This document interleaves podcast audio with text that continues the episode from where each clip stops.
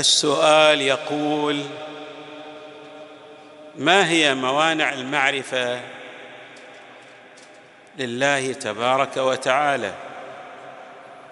وكذلك للنبي صلى الله عليه وآله والأئمة من أهل البيت والمعارف الدينية. هذا السؤال في الحقيقة يظهر جوابه من خلال النظر في آية القرآن الكريم وكذلك في الروايات. بمعنى أن من يتأمل في الآيات القرآنية والروايات يجد إجابة وافية لهذا السؤال. وحتى تتضح الإجابة نذكر آية مباركة نمهد بها للإجابة بشيء من البيان. الآية هي قوله تعالى كلا بران على قلوبهم ما كانوا يكسبون هذه الآية تتحدث على أن القلب يصدأ كالحديد الذي عندما يوضع في مكان غير مناسب وفي ظروف غير قابلة للحفاظ عليه يتأثر هذا الحديد فيصدأ قلب الإنسان بالنسبة للمعارف الدينية كذلك. ولهذا الله تبارك وتعالى يقول كلا بران على قلوبهم ما كانوا يكسبون. بمعنى أن السيئات والذنوب أثرت عليهم فأصبحت تشكل حجبا مانعة عن قبول المعرفة. مانعة عن السير في الصراط السوي. مانعة عن تقبل الحق.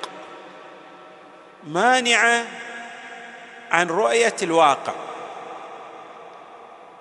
وإذا تأملنا في الآية نجد أن هذه الآية تعطي في مدلولها الالتزامي أن ترك موجبات الرين يمهد الطريق للمعرفة الحقة لله تبارك وتعالى وكذلك للمعارف الدينية.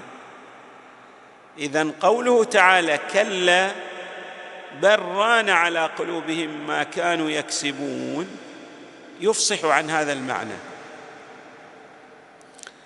واساسا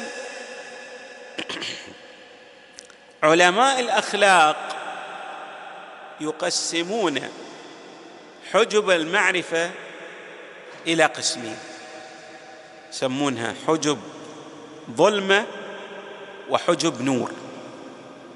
حجب الظلمة هي المعاصي. الإنسان مثلا يغتاب ينم يكذب يحسد يقترف المحرمات. هذه نسميها حجب ظلمه وهناك حجب يسميها العلماء بحجب النور. حجب النور ما هي؟ مثل العلم. الإنسان يكون لديه علم ولكن يغتر بعلمه يتكبر يرى أنه لا يضاهيه أحد في علمه ولا يجاريه أحد في فضله. حجب النور كثيرة. مثلا الإنسان يقوم بأعمال الخير ويعجب بعمله. هذا الإعجاب ليس فقط يؤدي إلى إحباط العمل بل أيضا تشير طائفة من الروايات إلى أن الإعجاب يقلل في مستوى عقل الإنسان.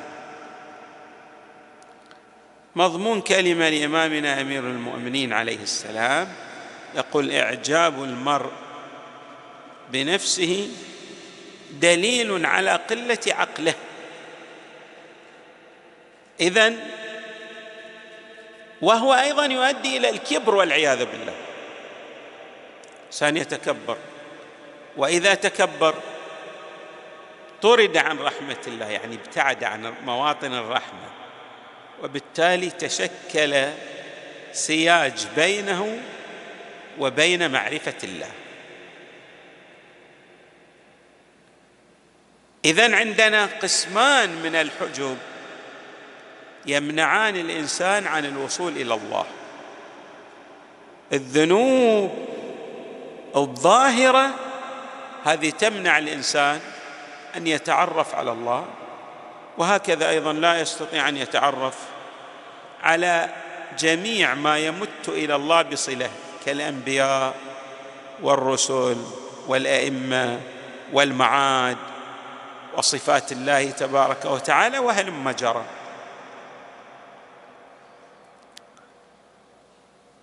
فالطريق الأول لإزالة العوائق هو تنحية هذه الحجب بقسميها حجب الظلمة وحجب النور. الإنسان إذا جرد نفسه من هذه الحجب يتاح له أن يتعرف على الله تبارك وتعالى ويستقيم في مساره. يصل إلى درجات عالية من معرفة الله تبارك وتعالى ويوفق للخير. وحتى يتضح لنا المعنى. حري بنا أن نلتفت إلى قوله تعالى في تبيان وظيفة النبي صلى الله عليه وآله. القرآن الكريم يوضح لنا الوظيفة التي يقوم بها النبي صلى الله عليه وآله. يقول يتلو عليهم آياته ويزكيهم ويعلمهم الكتاب والحكمة وإن كانوا من قبل لفي ضلال مبين. نريد أن نتأمل في هذه الآية. نجد أيضا إجابة للسؤال الذي طرحناه. النبي صلى الله عليه وآله عندما يريد أن يعلم هؤلاء المعارف الدينية يقوم بثلاثة أشياء. الأمر الأول يتلو عليهم الآيات. ما معنى تلاوة الآيات؟ يعني إيضاح المعارف. بشكل نظري. إيضاح المعرفة بشكل نظري. وحتى نقرب الفكرة كالأستاذ الذي يشرح المعلومات لدرسه على السبورة. يعني يكتب المعلومات اولا ليحدث معرفة تصوريه طيب هذه الوظيفة الأولى اذا تلاوة الآيات من لدن النبي صلى الله عليه وآله. الوظيفة الثانية ما هي؟ ويزكيه ما تقول الآية إذا تلا عليهم الآيات بدأ يعلمهم مباشرة. هناك واسطة بين تلاوة الآيات وبين المعرفة التصديقية الإذعانية. المعرفة التي تجر إلى الفائدة. توصل إلى الفائدة. تقول إن النبي صلى الله عليه وآله بعد أن يتلو الآيات يعلم الناس شيئا آخر. هذا الشيء هو ماذا؟ يلفتهم يلفت انتباههم إلى أهمية التزكية ترك الذنوب. لماذا؟ لأن هذه الذنوب بالنسبة للمعارف الإلهية تشكل حجبا كما قلنا تحجب المعرفة توصد الطريق تمنع الإنسان عن أن يصل إلى الحق. اذا حري بالمؤمن أن يلتفت إلى هذه الحجب بقسميها. والذي يتيح له إزالة هذه الحجب تزكية النفس. يعني يبدأ في مجاهدة نفسه في محاسبة نفسه. إمامنا الكاظم عليه السلام عنده رواية رواية مروية عن إمامنا الكاظم. ليس منا من لم يحاسب نفسه. يعني شوف يضع يقول أنا صدر مني في اليوم في هذا اليوم العمل الكذائي والعمل الكذائي والعمل الكذائي. ثلاثة الأعمال الأولى أعمال طيبة والاثنين الأخيرين أعمال غير جيدة. فيستغفر من الذنوب غير جيدة. ويسأل الله تبارك وتعالى التوفيق للطاعة. عندئذ يوفق للطاعة. يعني المحاسبة هذه تحدث مراقبة يلتفت إلى الأعمال التي تصدر منه فيبدأ يراقب نفسه فيزداد في أعمال الخير ويقلل من أعمال السوء التي تجره إلى الهاوية ويستغفر منها إلى أن يصل إلى درجة يمتنع من اقتراف تلك الذنوب ويتجنب الإتيان بتلكم المعاصي. هذا أمر غاية في الأهمية. إذا يتلو عليهم آياته ويزكيهم تزكية مهمة جدا. يعني تعليم الإنسان الذي يريد أن يتعرف على الله وأن يسير في طرق الرسل والأنبياء والأئمة عليهم السلام. ويحصل لديه يقين بالمعاني تقول من الضروري أن تبدأ بتزكية نفسك. كي تترسخ هذه المعارف الإلهية في ذاتك. والمعنى أنه إذا لم إذا لم يزكي نفسه هل تترسخ تلك المعاني؟ لا. تمر عليه. ولكنها ماذا؟ لا تحدث فيه تغييرا وتاثيرا. ما يتأثر به؟ سبحان الله. المعارف الإلهية بالخصوص المعرفة لله تبارك وتعالى ترتبط هذه المعارف ارتباطا جذريا ووثيقا بتزكية النفس. وقد اكدت طائفه من الروايات على هذا المعنى.